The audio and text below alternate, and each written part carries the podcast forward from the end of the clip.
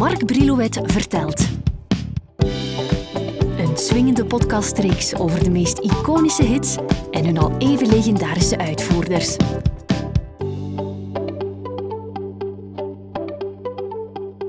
Voor deze bijdrage neem ik jou mee naar de 70s. Dat was zowat het tijdperk van de singer-songwriters. Ik denk dan aan de gouden jaren voor artiesten als Elton John, Billy Joel, Don McLean en Paul Simon, om maar een paar namen uit mijn mouw te schudden. Die Paul Simon heeft me gedurende zijn carrière weten te boeien. Toen ik op het einde van de jaren 80 met mijn uh, programma Hitriders begon bij Radio 2, had ik al weet van zijn muzikale ambities uh, uit eind jaren 50 en begin jaren 60. Niet zozeer als deel van Simon Garfunkel, maar vooral als maker van pophitjes, singeltjes die je in die tijd kon terugvinden op Amerikaanse jukeboxen. Daarover zo meteen meer uitleg en geluid. Zo dadelijk haal ik zijn langspeler Still Crazy After All These Years uit het platenrek. Laten we dus maar meteen van wal steken. Geprankt tussen enkele berensterke zwarte platen zat Paul Simon toen hij de 7 februari 76 op één belandde in Billboard's Hot 100. Diana Ross had daar enkele weken voordien op één geschitterd met Theme from Mahogany en na haar de Ohio Players met Love Rollercoaster. Toen Simon het bovenaan drie weken had volgehouden met 50 Ways to Leave Your Lover, werd hij afgelost door The Rhythm Heritage met Theme from SWAT en vervolgens door The Miracles met Love Machine Part 1. Simon was al geruime tijd maar wat blij dat hij in zijn eentje kon optreden en platen opnemen. Na dertien jaar aan de zijde van Art Garfunkel te hebben gestaan en gezongen, hield hij die samenwerking in 1970 voor bekeken nadat hij en Art nogthans net gigantisch hadden gescoord met Bridge Over Troubled Water. Nu, Art was ook uitgekeken op hen als duo en trad met succes op in de films Carnal Knowledge en Bad Timing en had een paar geslaagde LP's opgenomen zoals Breakaway en Angel Clare. Paul Simon was van nature een soort loner, een inzaat die al eerder solo had opgetreden en platen had opgenomen onder artiestennamen als Paul Kane, True Taylor en Jerry Landis. They say that an angel cries when a true love dies, and the raindrops really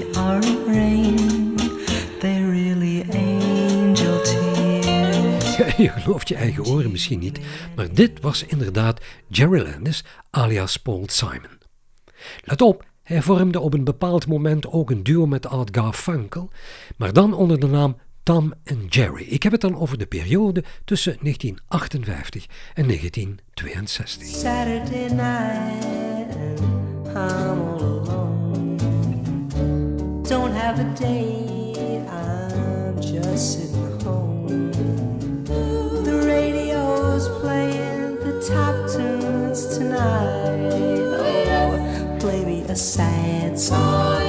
Tom en Jerry Play Me a Sad Song.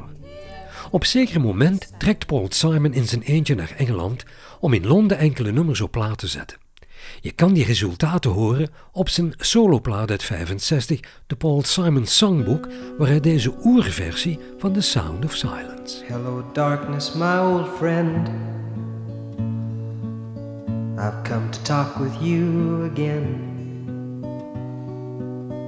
Because a vision softly creeping left its seeds while I was sleeping. Het was wachten tot hij terug in Amerika was, opnieuw contact met Garfunkel zocht en een vette hit scoorde met The Sound of Silence voordat de bal aan het rollen ging met een rist hits als gevolg. Maar zoals ik al aanhaalde, waren beide heren na enkele jaren op elkaar uitgekeken.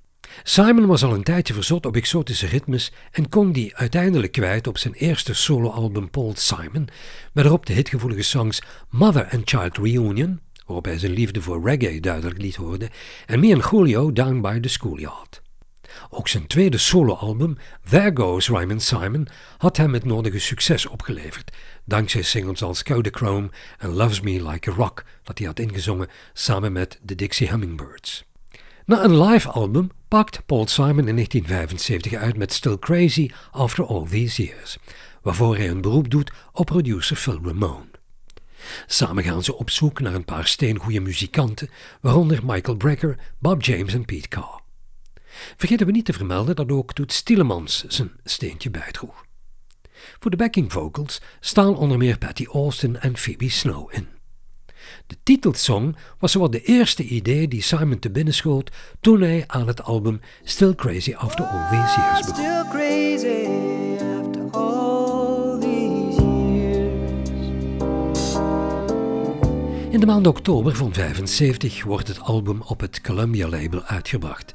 De LP duurt niet langer, u moet maar eens kijken, niet langer dan 36 minuten en 25 seconden. Goed voor 10 songs, waarvan er 4 op single belanden.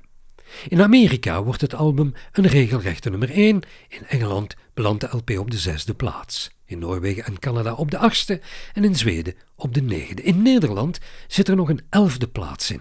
In Amerika en Engeland krijgt Simon een gouden plaat voor zijn prestaties, in Canada zelfs een platina-exemplaar. En wint in 76 ook nog eens een Grammy Award voor Album of the Year. Daarnet haalde ik al aan dat Still Crazy After All These Years Simon vier singles zal opleveren. Samen met Art Garfunkel nam hij het nummer My Little Town op.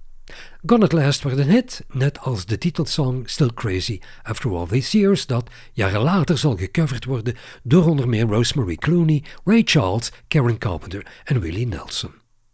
Het grootste succes is weggelegd voor 50 Ways to Leave Your Lover. Dat nummer wordt de 20 december 75 gereleased. Het jaar nadien, de 7 februari, staat er op één in de Amerikaanse charts. In het liedje geeft Simon een reeks hints om uit je liefdesrelatie te stappen. Hij had er net zijn scheiding van Peggy Harper op zitten. Hij trouwde met haar in 69, zijn eerste huwelijk. Ze kregen samen een zoon, Harper Simon, zelf een singer-songwriter die in 2009 een soloalbum op de markt brengt, waaraan onder meer zijn pa meewerkt. In 75 scheiden Paul en Peggy van elkaar. De song begint met een opvallende tromroffel naar een idee van studiodrummer Steve Gadd. Paul die zat samen met Steve en nog een paar andere muzikanten in een kleine studio op Broadway in New York toen deze 50 Ways to Leave Your Lover werd ingeblikt. The problem is all inside your head, she said to me. Answer is easy if you take it logically. I'd like to help you in your struggle to be free. There must be 50 ways to leave your lover. In de Britse top 40 zat er voor 50 Ways een 23e plaats in. Onze Noorderburen die lusten de single niet, net zo min als bij Vlamingen. Alleen Mother and Child Reunion kon ons in de jaren 70 charmeren. Voor Paul is het dan tien jaar wachten om met singles als Late in the Evening en You Can Call Me Al hier bij ons nog eens deftig te scoren. Oh ja, en om af te ronden nog even dit.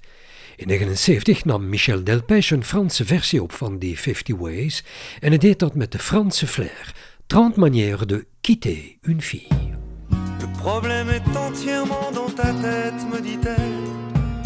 La réponse est facile si tu prends ça logiquement. J'aimerais bien t'aider dans ta lutte pour être libre. Y a sûrement 30 manières de quitter une fille.